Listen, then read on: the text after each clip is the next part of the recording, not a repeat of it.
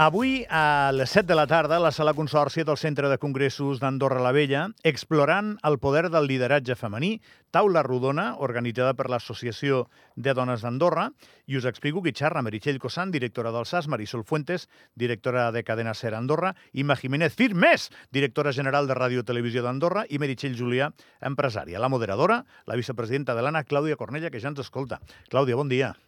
Hola, bon dia. Ha de xerrar molt més Ima Jiménez que les altres. bueno, jo els hi donaré temps a totes. Jo els he dit que totes han de tindre prou temps per poder donar la seva visió. També és la feina de la moderadora, fa i broma, que aquesta és la jefa. Uh, què busquem amb aquesta taula rodona? I no només com a moderadora, Clàudia, també com a integrant destacada de l'ADA. Doncs mira, en aquesta taula el que busquem és fer veure que és tan important la cooperació, no? la complementarietat que hi ha entre els gèneres, que no és que estem aquí només dones i no a parlar de la importància del lideratge femení, sinó la importància de que hi hagi dones que tinguin, pues, que tinguin un lloc no? a, a lo que és les empreses, però també empreses que sigui treballar per una empresa o tenir la seva pròpia empresa, no? perquè moltes vegades estem pues, doncs, parlant sempre no, de si la meritocràcia, que si, amb les, que si tenim drets o no, en tot el que són les quotes, si el sostre de vidre, que si la bretxa salarial, que si l'apoderament femení. I aquí el que volem parlar avui és de casos reals, de dir quina és no, la capacitat de les dones d'estar doncs, amb càrrecs directius, quin és el que elles aporten, què és el que aporta a l'empresa i bueno, també donar aquesta visibilitat. No? Tu has, has manat eh, la vida, has tingut l'oportunitat de coordinar equips, en, en ells hi haurà hagut homes i dones, com ha estat aquesta experiència de liderar en femení? Clàudia, per exemple, tu també en podries parlar.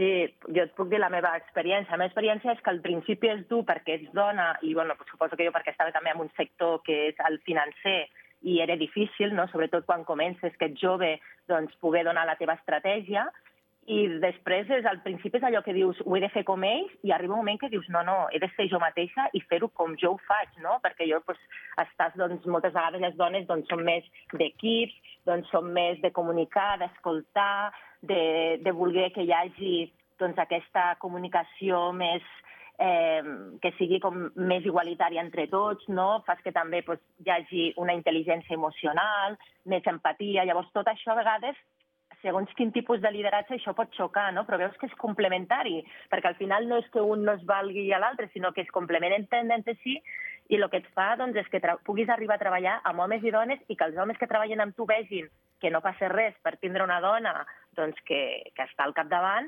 i les dones doncs, també treballar amb d'altres dones i no pensar que estem en competència sempre per poder tenir un lloc. No? Vull dir que és, és, és, és una evolució, és una evolució, però crec que, que és important que hi hagi aquesta, aquestes persones avui, aquestes dones, que vinguin i ens puguin explicar la seva experiència i que siguin visibles. Doncs moltes vegades les dones el que ens passa és que anem treballant, anem treballant i al final no expliquem, no? perquè potser també no, no som tant d'explicar sinó d'anar fent. No? I jo crec que és important això, de que expliquem les experiències de lo que ha sigut difícil, de lo que ha sigut fàcil, de lo que han sigut les bones experiències, aquelles que han costat més, i sobretot inspirar a noves generacions i a d'altres dones que ja no és només generacions joves, perquè jo, per exemple, vaig començar a emprendre molt més gran, no? Doncs tot això també és poder doncs, donar aquesta visió a d'altres dones.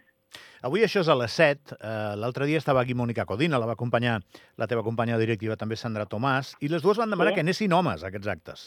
Sí. Uh, aviam si van. Uh, no sé, no sé si aniran molts o no, però, però estaria bé, no? Perquè aquí hi ha un tema, Clàudia, i no tenim massa més temps, però, però sí que m'agradaria tocar-lo, que és que el que es vulgui resistir a, a no entendre que el món ha d'anar en una direcció diferent a la que anava, doncs simplement ha de consultar les dades. És a dir, jo entenc que hi hagi gent que no li agradin les quotes, entenc que hi hagi gent que no li agradi que això passi de manera imposada, però és que, clar, al mateix temps hi ha unes dades que diuen que les dones cobreu menys. Hi ha unes dades que diuen que les dones, que, que entre persones pobres, les més pobres són les dones. Clar, tot això són dades. I o fem alguna cosa o seguirem igual.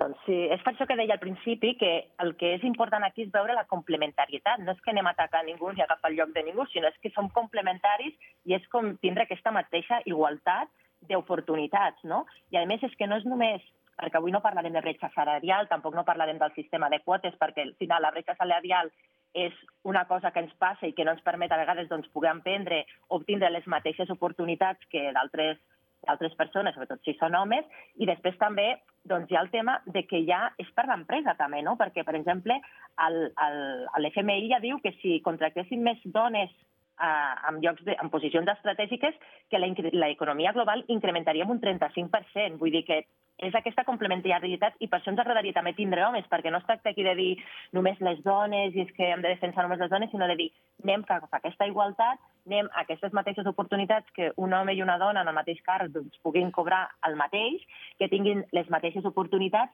però no perquè hi hagi unes quotes que ara són necessàries per poder aconseguir aquestes, aquesta igualtat que estem aconseguint en aquests últims anys, sinó per poder fer-ho d'una manera natural i que ja no haguem de tindre aquests debats ni tindre que fer aquestes taules per poder doncs, explicar la importància de tindre dones doncs, amb càrrecs i que no són amb càrrecs, perquè a vegades són dones que estan en un equip que no és la directora o que no és la responsable, però sí que el que fa és tenir una influència i ser doncs, una, una, una guia per la resta de l'equip que és molt important. Vull dir que aquí és totes les dones, totes les dones. Clàudia Cornella, que vagi molt bé aquesta taula rodona avui explorant el lideratge femení, set de la tarda, sala consòrcia de la, del Centre de Congressos del Comú d'Andorra la Vella. Gràcies per atendre'ns. Eh? Moltíssimes gràcies a vosaltres. Que vagi Adeu. molt bé.